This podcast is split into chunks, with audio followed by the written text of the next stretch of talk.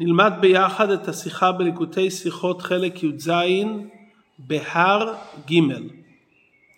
בפרשתנו מדובר בנוגע ליהודי שנמכר, מכר את עצמו לעבד, לנוכרי, לגוי.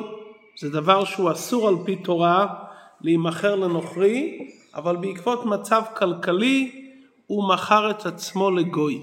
אומרת התורה פרשתנו פרק כ"ה, פסוק מ"ח, מ"ט, גאולה תהיה לו, אחד מאחיו יגלנו, או דודו, או בן דודו יגלנו, או משאר בשרו, או השיגה ידו ונגאל.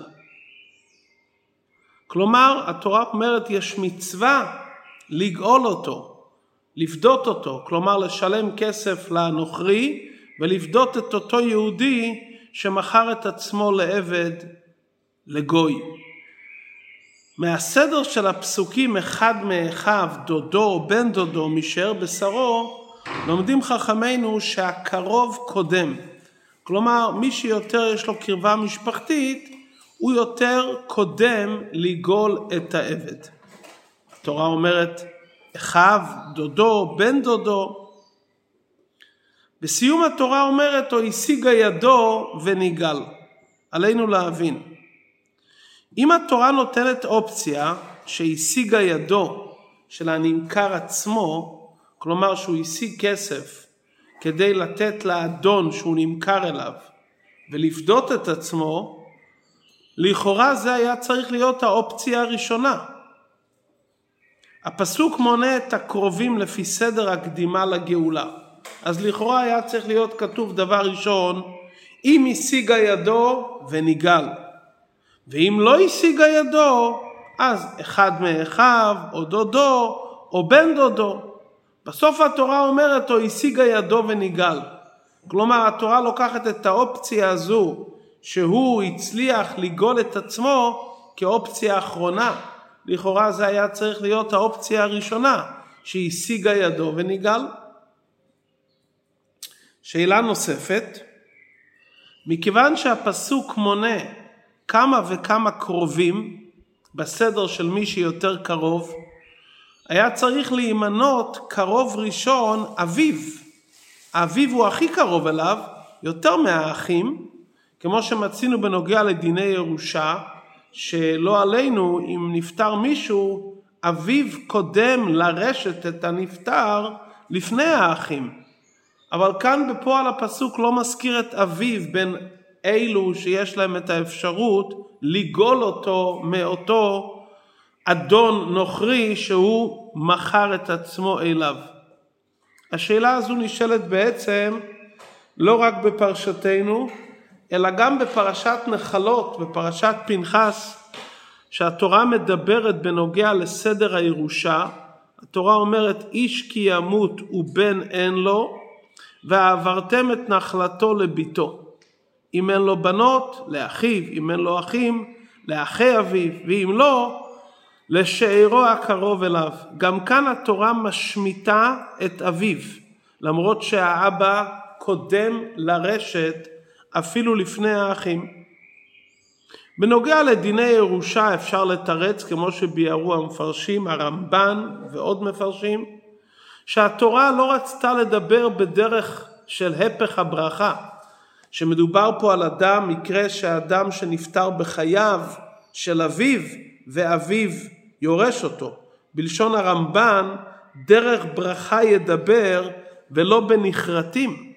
זה הרי מקרה של פורענות לא עלינו שבן נפטר בחיי אביו ואביו יורש אותו. אז לכן התורה לא רצתה להזכיר את האופציה שהאבא יורש למרות שבאמת האבא קודם לרשת לפני האחים, התורה לא רצתה לדבר על דבר פורענות. עדיין הדבר לא חלק לחלוטין, מכיוון שהתורה הרי מדברת בלשון הלכתית. כשמדברים הלכה צריך לדבר ברור. מדוע התורה משמיטה את העניין של האבא מהנימוק שזה לא דרך ברכה?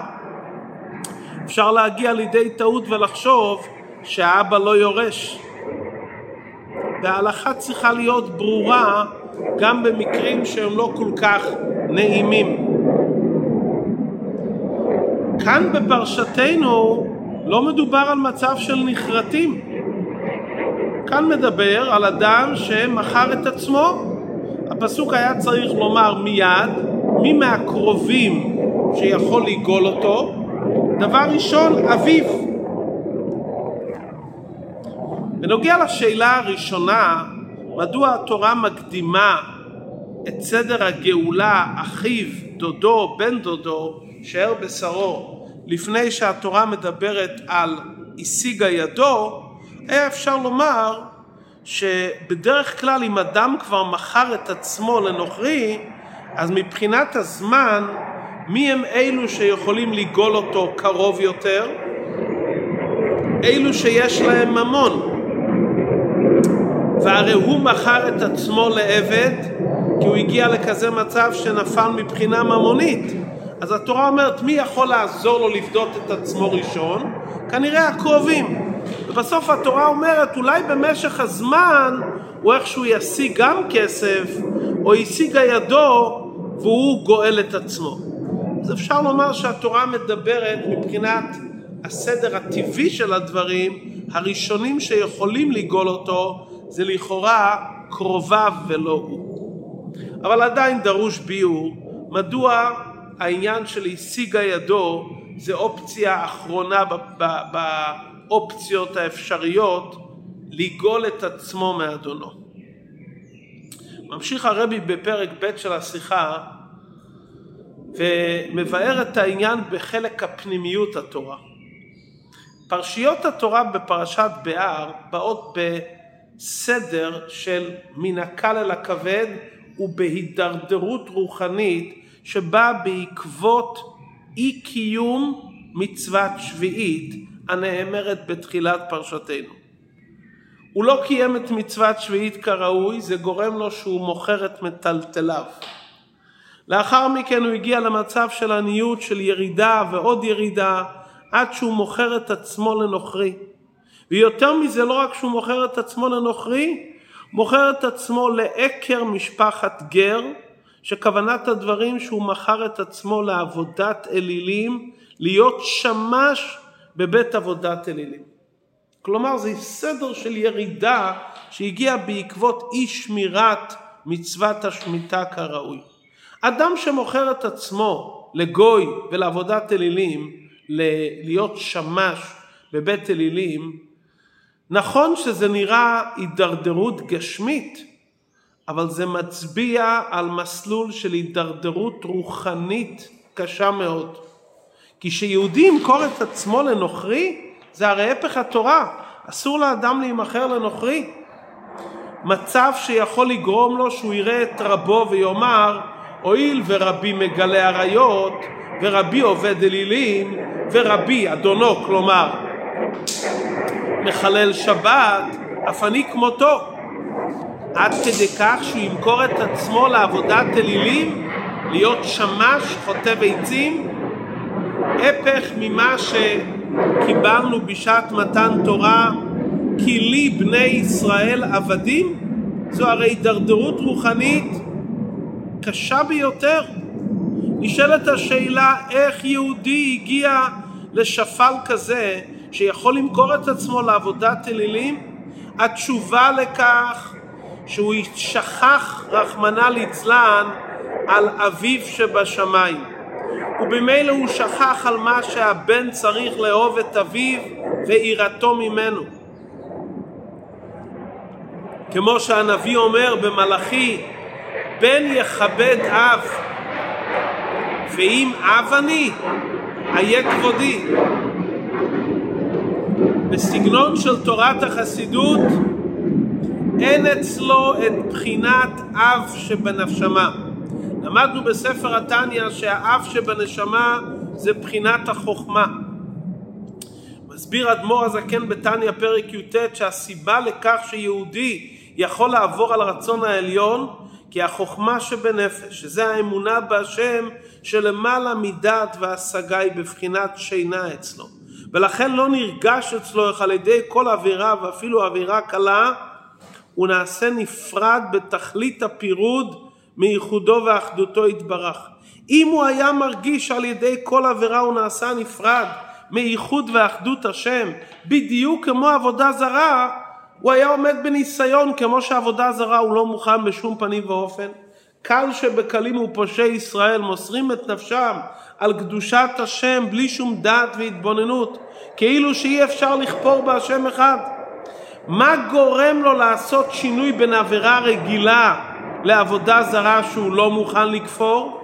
כפי שמבואר בתניא, שחוכמה שבנפש, שנקראת אבא, נמצאת אצלו בהיעלם. זו הסיבה הפנימית מדוע לא נזכר כאן שאביו יגאל אותו.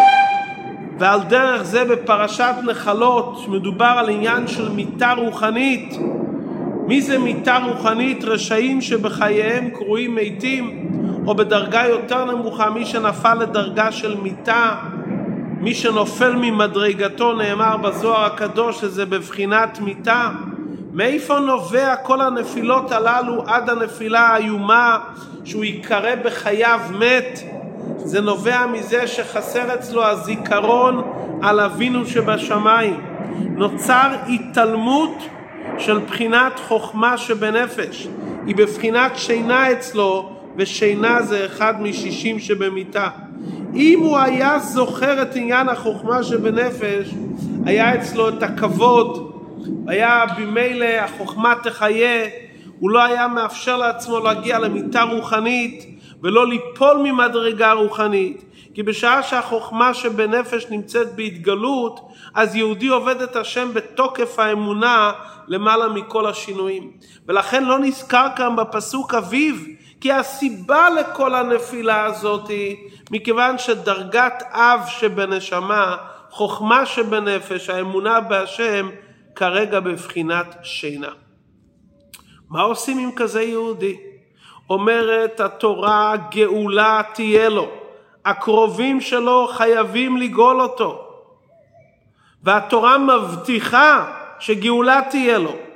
אפילו אם הקרובים לא יגאלו אותו, ויצא ביובל, בשנת היובל הוא יצא.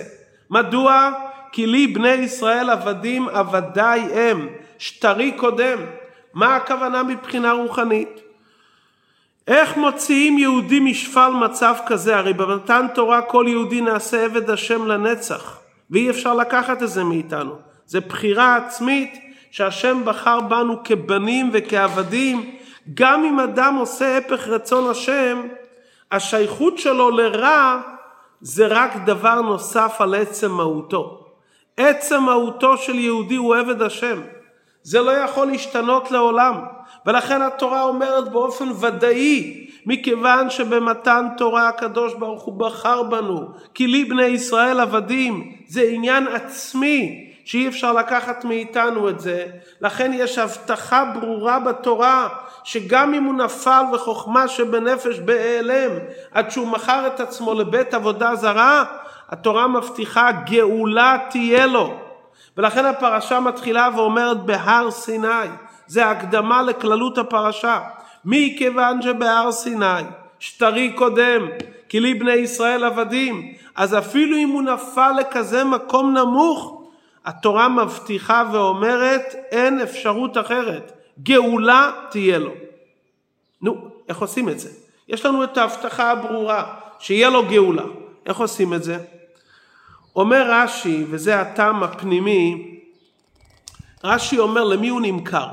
לעקר משפחת גר.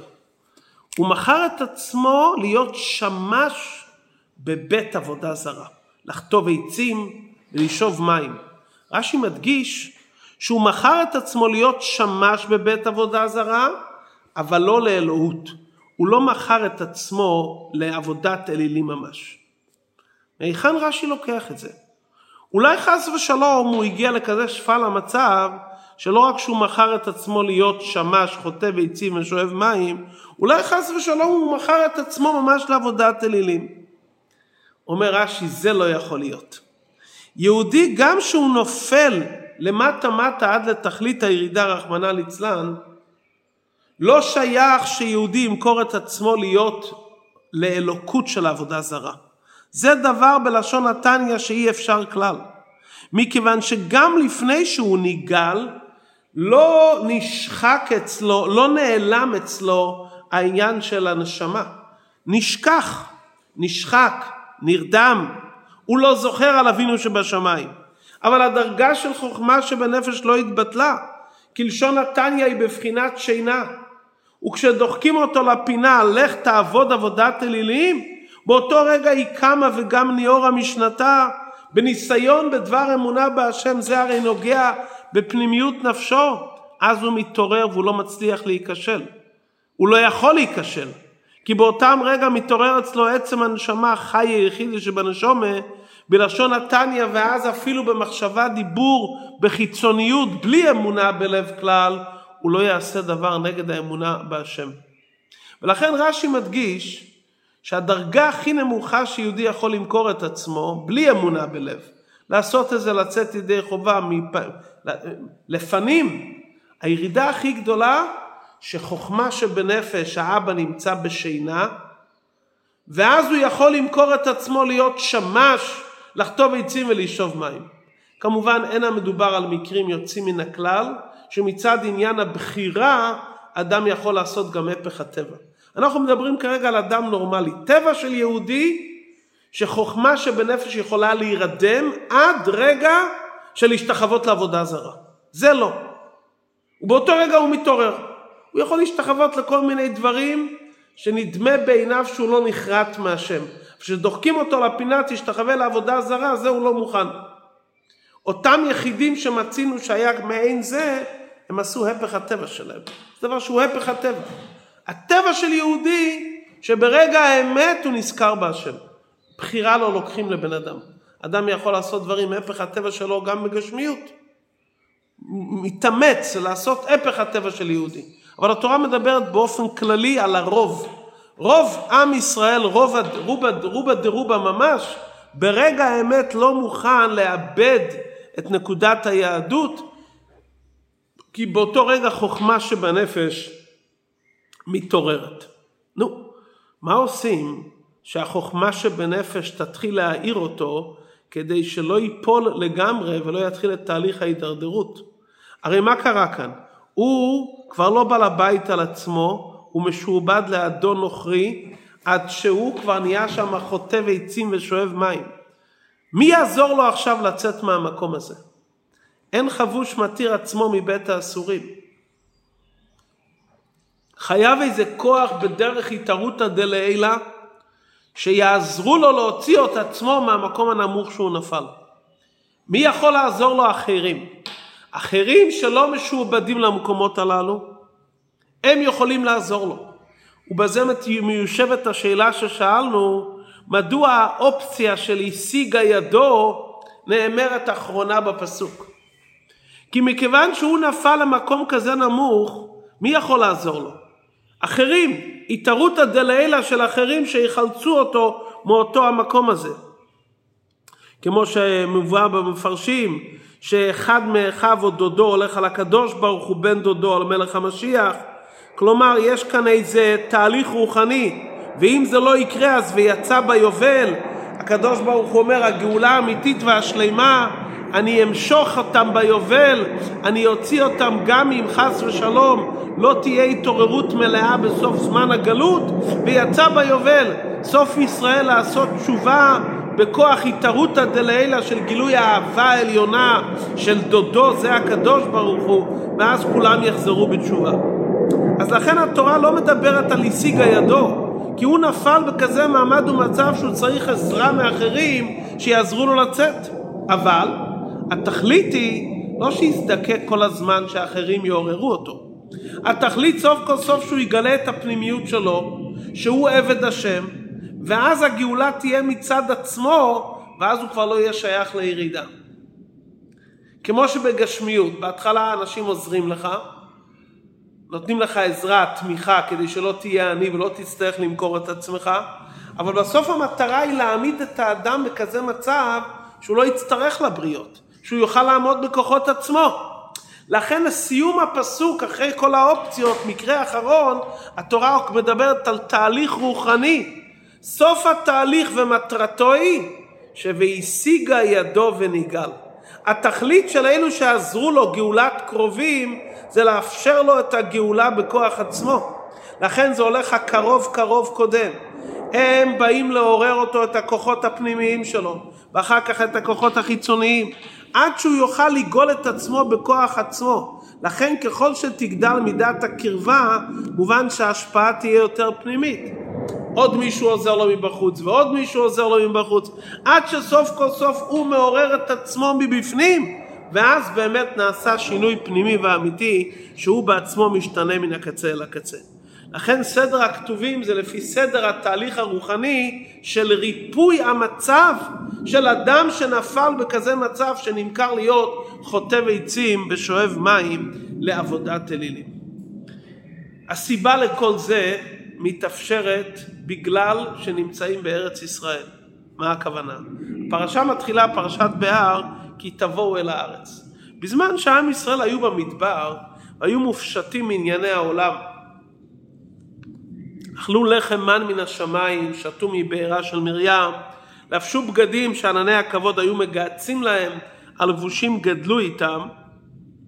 במקום הזה שהנהגת הטבע לא תפסה מקום, יהודי אף פעם לא חשב ליפול למטה מטה. אבל מתי שעוברים לארץ ישראל, ואז צריך להיות הנהגת הטבע. שש שנים תזרע ארצך, תזרע שדיך וכרמך. כאן יהודי מתחיל להסתכל על דברים טבעיים. ברגע שהוא מתחיל לראות את החלק הטבעי, אז לאט לאט הוא מתחיל להאמין שהטבע מנהל את העניינים. ואז יכול להיות מצב שאדם יתחיל ליפול ולסגוד, ועד שיהיה חוטב עצים ושואב מים. מתי שהוא ראה התגלות אלוקית ניסית במדבר, היה ברור לו שהכל מנוהל באופן ניסי מלמעלה. אבל כאן שהוא התחיל כבר את הפרנסה הטבעית, יכול להיות שיגיע לכזה מצב של נפילה. לכן התורה מיד בתחילת פרשתנו אומרת, מכיוון שהיינו בהר סיני, ואז הקדוש ברוך הוא נתן לנו את ההבטחה ונתן לנו את הנשמה והכריז כי לי בני ישראל עבדים, אז זה נשאר בשלמות. ואין סיכוי ואין אפשרות שאדם יישאר תקוע במקום אחר. ברור שגאולה תהיה לו. מכיוון שהיינו כולנו על הר סיני, בוודאי שגאולה תהיה לו. בוודאי שסוף כל סוף יצליחו לפעול בירור גם בארץ כנען, שלמרות שהייתה בהתחלה ארץ כנען שהיה בעבודה זרה, שיכל להיות מקרה שיהודי יימכר אליה, בסוף יהודים על ידי העבודה של בירור וזיכוך ארץ ישראל, הופכים את ארץ כנען לארץ ישראל. בכוח מה שבהר סיני קיבלנו את ההבטחה ואת הבחירה האלוקית כי לי בני ישראל עבדים. אז עם ישראל לא רק שלא יורדים אלא אדרבה, גורמים בירור וזיכור לארץ, עד כלשון פרשתנו ושבתה הארץ שבת להשם. ואז הפוך, במקום להימכר חס ושלום שיהיה אפשרות להימכר לעבודה זרה, אדרבה, עקר משפחת גר, עם ישראל עוקרים את העבודה זרה מארץ ישראל, עוקרים את האפשרות לעניין של עבודה זרה שלא מתאימה ליהודי לחטוב עצים ולשאוב מים לענייני עולם הזה ועד שהוא נופל למטה לעבודה זרה. אדרבה, יהודי הופך את ארץ ישראל למקום קדוש, לארץ ישראל ושבתה הארץ שבת להשם ואז רואים כולם בגלוי כי לי כל הארץ. נמצא שיש כאן בשיחה ביאור פנימי ונפלא לסדר הירידה ולסדר העלייה עד המטרה הפנימית השיגה ידו ונגאל שהוא בעצמו מגלה את עצם נשמתו בכוחותיו וגואל את עצמו בכוחות עצמו והופך את ארץ כנען להיות ארץ ישראל ואז ניכר כי לי הארץ.